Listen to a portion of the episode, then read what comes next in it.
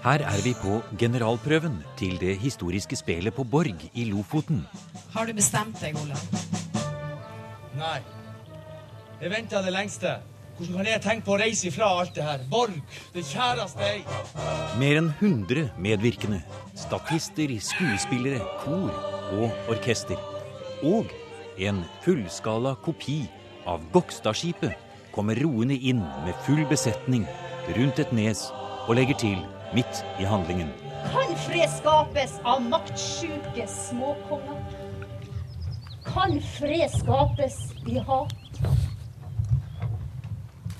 Men vil de maktene noen gang få råd? Han Tore kommer! Skipet da Tore kommer! Og han Tore, det er Håløy-høvdingen Tore Hjort, som har gått i ledtog med Håkon Jarl og den nye kongemakten som vil legge landet under seg. Nå ber han den mektige Olufur Tvennum-Brunni på Borg om å føye seg. Det kan ikke være riktig at jeg skal sitte som høvding her på Borg. I tjeneste for en maktsjuk søring. Så bare tenk på hvordan han skal øssel av de rikdommene som vi har. Han kjenner ikke fjellene, stiene, vatnene, alt som ett av mi har hatt mellom hendene sine i hundrevis av år. Det kan ikke være det gudene vil, Ravna. Odin, du må gi meg styrke! Jeg klarer ikke alene!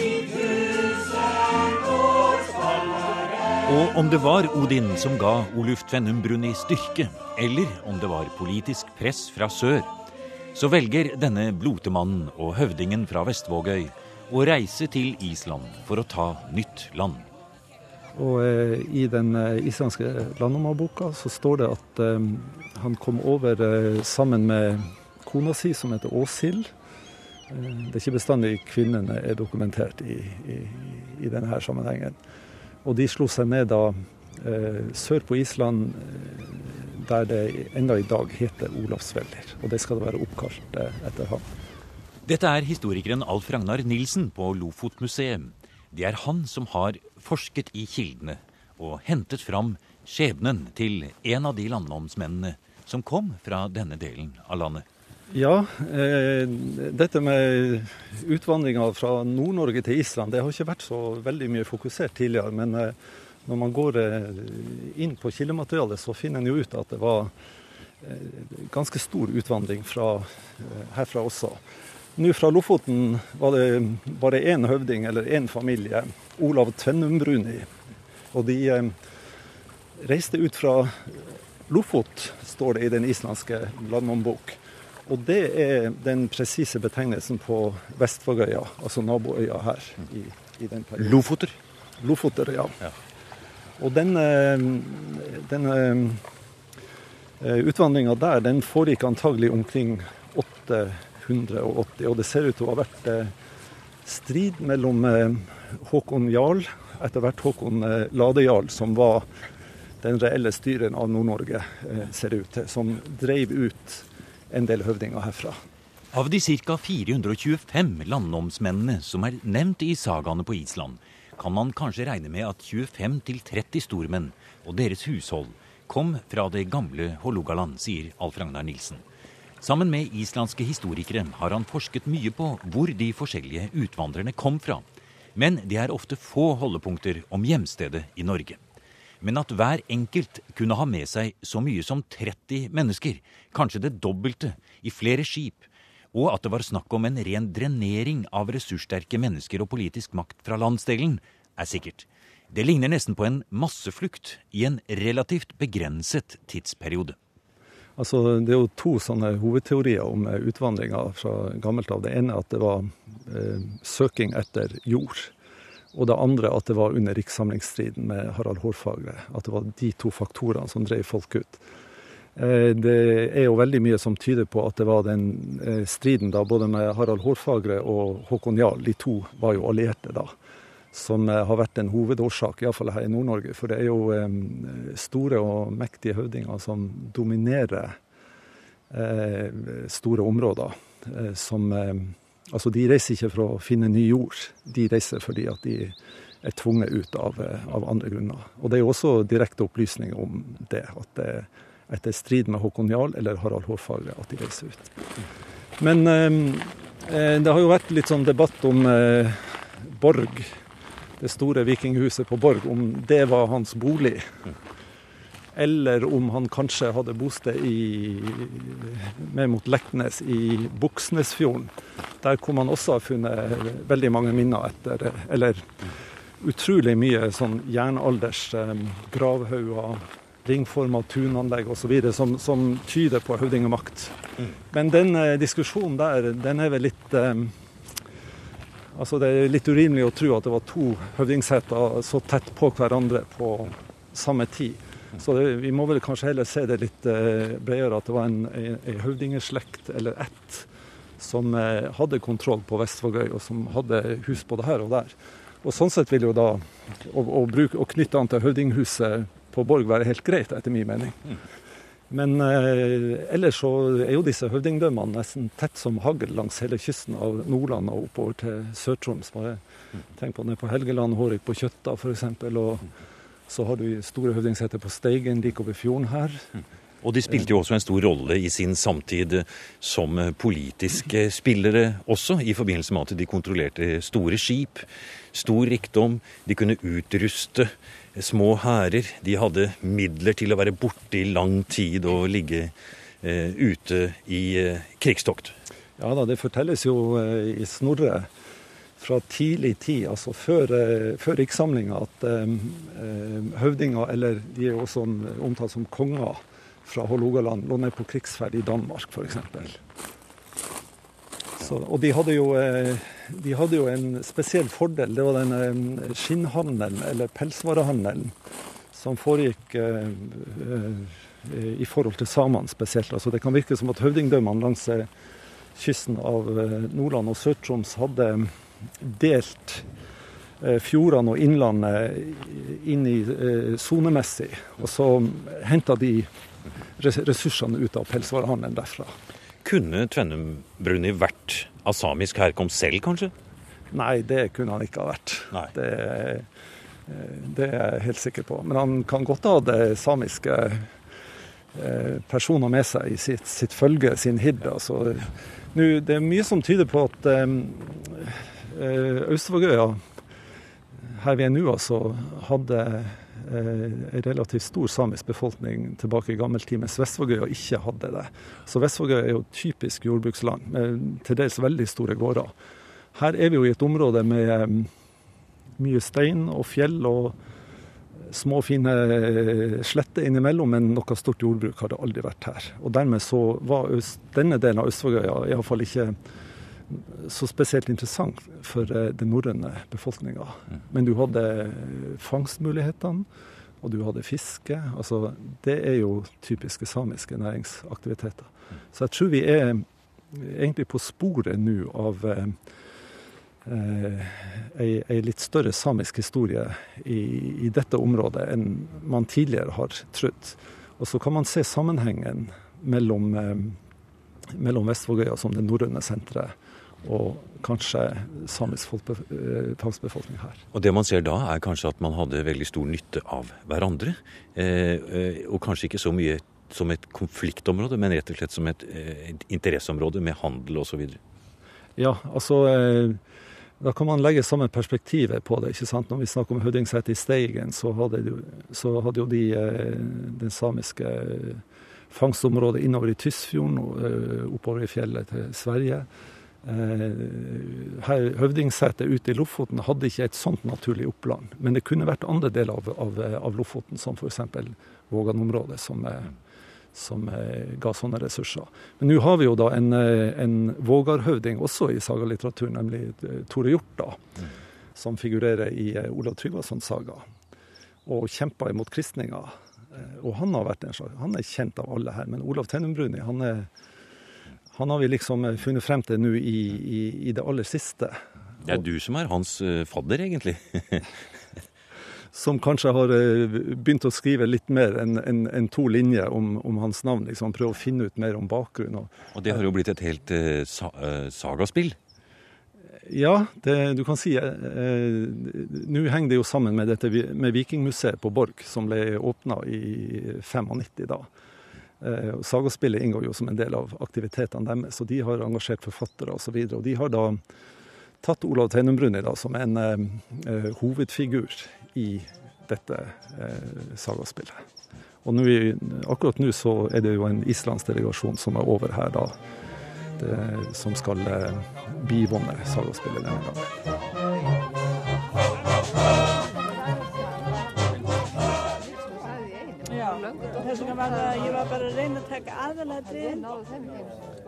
Og den islandske delegasjonen kommer nettopp fra det området Oluf Fennumbrunni slo seg ned i.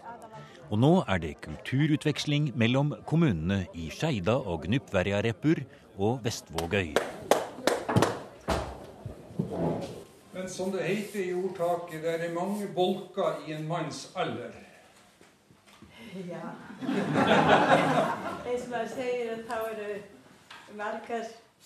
Det er seminar om historie og turistutvikling, kultur og næringsliv.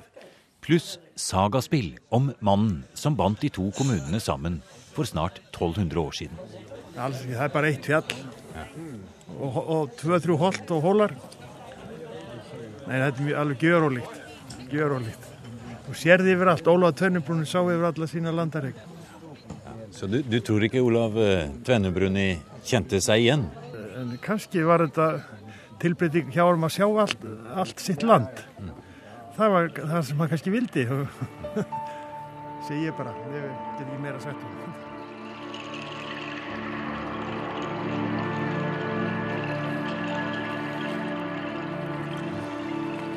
Ja, her får man ro i sjela, sier du, Wenche Brun. Vi går her nede på Ja, nå er det en poll her nå nedenfor eh, Borg-Lofoter-senteret her.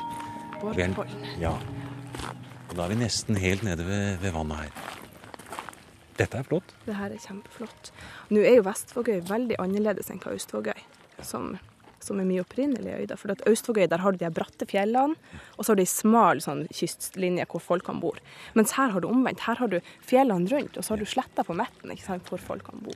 Og her er jo mye mer jordbruksområder enn hva det er på Austvågøy, men det er jo helt fantastisk. Og det er her nede er det kanskje lettere å skal tenke seg tilbake i tid også, for her er ikke så mye forstyrrende, eh, moderne elementer. Så du, du lytter på lydene, og du prøver å tenke bort i husene her, og prøver å se for seg gårder rundt her, og det ryker ut av pipen, og det går dyr ute på beite, og det ligger skip rundt hele pollen. Det er veldig, veldig godt utgangspunkt for fantasien.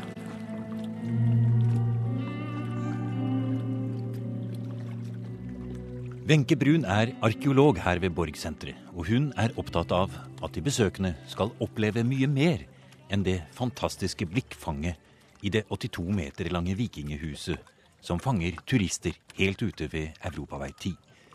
Det er en stor opplevelse i seg selv. Men Brun vil trekke med hele landskapet. Høydene, kirken, pollen, jernaldergravene. Alt dette vakre landskapet rommer av historie. Jeg tror de som, de som kommer hit og er først oppe i rekonstruksjonen og ser på gjenstandene, får en guiding, får en litt sånn Blir tatt litt tilbake i tid, og så går de ned hit etterpå. Da tror jeg de har fått en del knagger og, og henge ting på. En del, en del ting å tenke med. Her kan man ro i en kopi av Gokstadskipet. Og kjøre med hest og vogn, ri på hester, gå i området. ikke sant? Ja. Og det er en formel som virker. Ja, og det går jo litt på det her med å gi folk en opplevelse, og ikke minst gi dem et innblikk i aktiviteter som har foregått her i den perioden det var bosatt i jernalder. Det er klart at det, det å se på de skipene her, og, og se For det, at vi har jo også, altså det her med båtbygging er jo også formidling. Når vi bygger båtene, så kommer folk og ser på det, og det er klart at det er jo kjempe... Altså da får man også en litt eh, Da får du litt kunnskap om de prosessene som ligger bak. Ikke bare de ferdige produktene, men hvor mye kunnskap egentlig som måtte til for å bygge de båtene her, og hvordan gjorde man egentlig når man produserte, produserte jernet til båtnaglene, f.eks. Her har vi hatt jernframstilling. sånn at du, det er ikke bare det her store, imponerende bygget som, som skal, skal Det er formidles. blikkfanget som trekker folk inn i anlegget. Ja, jeg, jeg, det, det er litt sånn. Altså, folk kommer hit og ser det og tror at de skal komme opp hit og se på voldelige vikinger. Der går hesten hest, og forbi der. Men det er ikke voldelige vikinger de får se. Nei da, nå skal vi ikke legge skjul på at det har vært fæle ting også som foregikk, men, men det er det på en måte. Det er så mye trukket fram i media, så vi har lyst til å også formidle alt det andre. Altså, det var så mye annet. Det var familie, det var barn, og det var kjærlighet, og det var kunnskaper og håndverk som, som er langt over vår fatteevne, i alle fall min, altså. Eller så kan vi kanskje si det sånn at de var akkurat som vi er. Ja, på mange måter, og samtidig helt totalt forskjellig. Det, det er også veldig altså Det her med, med røtter og føtter er jo veldig interessant i den sammenheng. At det samfunnet som var her for over 1000 år siden, det, mange, det, det foregikk i det samme landskapet, men jeg tror ikke vi kan, vi, vi kan det, det er også som et annet land, ikke sant? Men her har vi altså Det som knytter også dem sammen, det er det landskapet. Det synes jeg det er veldig fantastisk. Stå her og tenke Røtter og føtter, ja. ja, røtter og føtter. Det er sånn Ikke sant. Det ene er det at du, du føler røtter, du føler dine røtter, men samtidig så, så er det å se hvor, hvor forskjellig er det her. Hvor, eh, hvor totalt annerledes ikke, ikke hadde man forstått dem, og, og det er litt hvis du ser rundt i verden i dag på andre kulturer og, og tenker at vi er forskjellige fra dem, men vi er kanskje vel så forskjellige fra, fra dem som levde her i, i jernalder. Vi er forskjellige fra oss, ja. Mhm. Men eh, kan si horisonten er ganske lik i alle fall, og rammen rundt er, er kanskje det som, som knytter også dem sammen.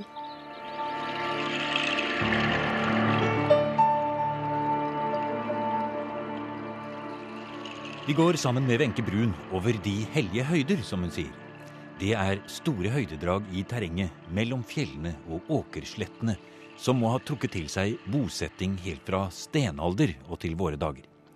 På en av høydene ligger en moderne veikirke som speiler en av de høye og spisse fjelltoppene ut mot fjorden. På de andre er det gjort arkeologiske funn av hustufter som kan ha vært knyttet til rituelle kullsteder i hedensk tid. Men den mest iøynefallende bygningen er selvsagt rekonstruksjonen av høvdingehuset. Ja, Det er jo en ting som er veldig spesiell med den bygninga her. Det er jo det at det faktisk er den største bygninga som er gravd ut noensinne i i hva skal jeg si, Europa, faktisk. Ifra, I denne, ifra, i den norrøne Ja. bosettings...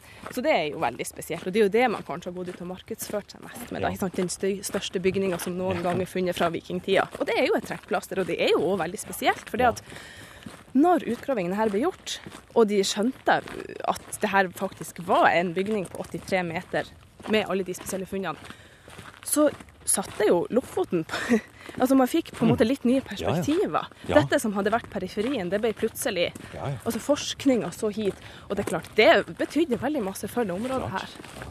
Hvis vi går opp og ser på Ja. For det her er kanskje den viktigste plassen på museumsområdet, i alle fall for at folk skal få den rette forståelsen. For veldig mange kjører forbi her og tror at vi har bygd vårt eget lille vikingland oppå her. Men det, når at de står her og skjønner at det har faktisk, altså her har det vært utgravinger, her har man faktisk gravd ut restene av en bygning som i alle fall har vært like lang og like brei. Og da får man en litt sånn jøss, har det virkelig vært et så stort hus her oppe i nord, oppe i Lofoten, så langt ut i periferien? Og det, det er jo egentlig ganske spesielt å tenke på at fram til 1981 så var det her området beitemarker, og man visste faktisk ikke hva som har vært oppå her. Man visste at Vestvågøy hadde veldig sånn, uh, mye kulturminner fra jernalder, men at det akkurat oppå her skulle vært en høvdinggård, det var faktisk ikke kjent. Jeg tror nok at lokalbefolkningen her, altså i deres underbevissthet har det nok vært. Og, og når, når utgravingen ble gjort, og etterpå, så har vi hørt rykter om at på 1920-tallet så lekte man gjemsel oppå her iblant jordvollene.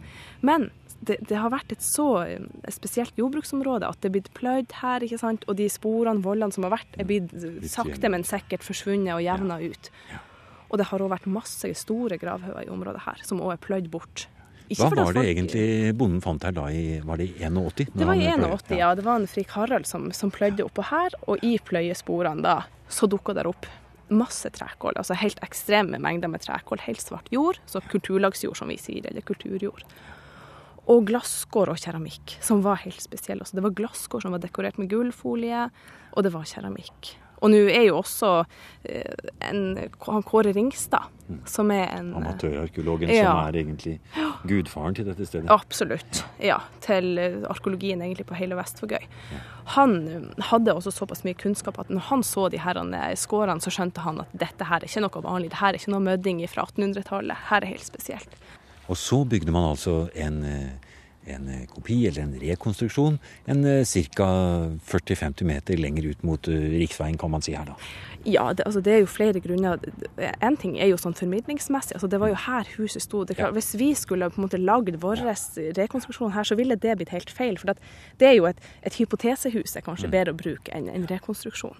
For at hypotesehus, da er det mer Altså, vi kan ikke vite om vi har gjetta rett, og det har vi sannsynligvis ikke gjort. Men vi, vi har nå i alle fall prøvd, og så får vi heller være ærlige med det i formidlinga, ikke sant. Og så la nå heller dette være et utgangspunkt som, som man kan spinne videre med. Her er hovedinngangen. Og det var jo tydelig å se på utgravingen, hvor det var så kompakt, det var nedtrampa, ikke sant, og nærmest sånn betongaktig. Her kjenner vi det lukter sånn som det skal lukte. Her er det tranlamper, her er det tjærelukt, her fyres det. lyset kommer ned sånn? Det er nesten Det er en stripe som går fra jorden, taket der, ja. Og ned igjennom. Og her henger det skinn. Og her kommer vi inn i jernalder og tidlig vikingtid. Det opprinnelige høvdingehuset ble reist omkring år 500 etter Kristus, og ble påbygd flere ganger. Hypotesehuset, som Brun sier, er lagt til perioden omkring år 900, antagelig mot slutten av husets brukstid. Og det er fullt av tungemål fra de mange besøkende som går rundt og ser. 60 000 mennesker besøker Borg hvert år. Det suverent høyeste besøkstallet for noe museum i hele Lofoten. äh, angesehen. Und Alkohol selbst, die haben ja auch Met, einen Wein aus Honigbasis hergestellt, war wahrscheinlich ganz besondere großen. Vi veldig prøver så lenge det er mulig å ha en sånn formidlingsform som går mer imot en dialog framfor en monolog. ikke sant? Og involvere de besøkende. Så er vi da inne i Gildehallen, Ja. som er kanskje det mest spesielle rommet. Men ennå ikke så spesielt som det nok har vært. Altså, du ser de takbærende stolpene her skal vi f.eks. få treskjæringer på. Få utsmykking Også her som er litt mer Farger, kanskje. farge, ja. Absolutt. Og det jobber vi med nå. Vi har hatt et sånn integreringsprosjekt med asylsøkere, innvandrerkvinner, som har vært med og vevd tepper her. ikke sant? Vi har, vi har tegna av og brukt Oseberg-tekstilene som utgangspunkt for å få dekorert med tepper rundt hele her. Og her har vi kommet inn i en del av huset her hvor dere har eh, utstilling. Gullgubben, ja. Og her henger det en eh, lupe. Der henger lupe, ja. Og så er det noen, et lys som du kan lyse med, ja. Så ser jeg med den lupa ah, der ser vi to personer Mm. hilse på hverandre, møter hverandre. Det er enda mindre enn der. Har du sett så flott? Oi, det, ble, det var kjempeflott eh, gullsmykke. Filigransmykke, ja. Det er importert Ja. sørfra, kan du Ja. si, mens disse to er jo mer et sånn nordisk fenomen.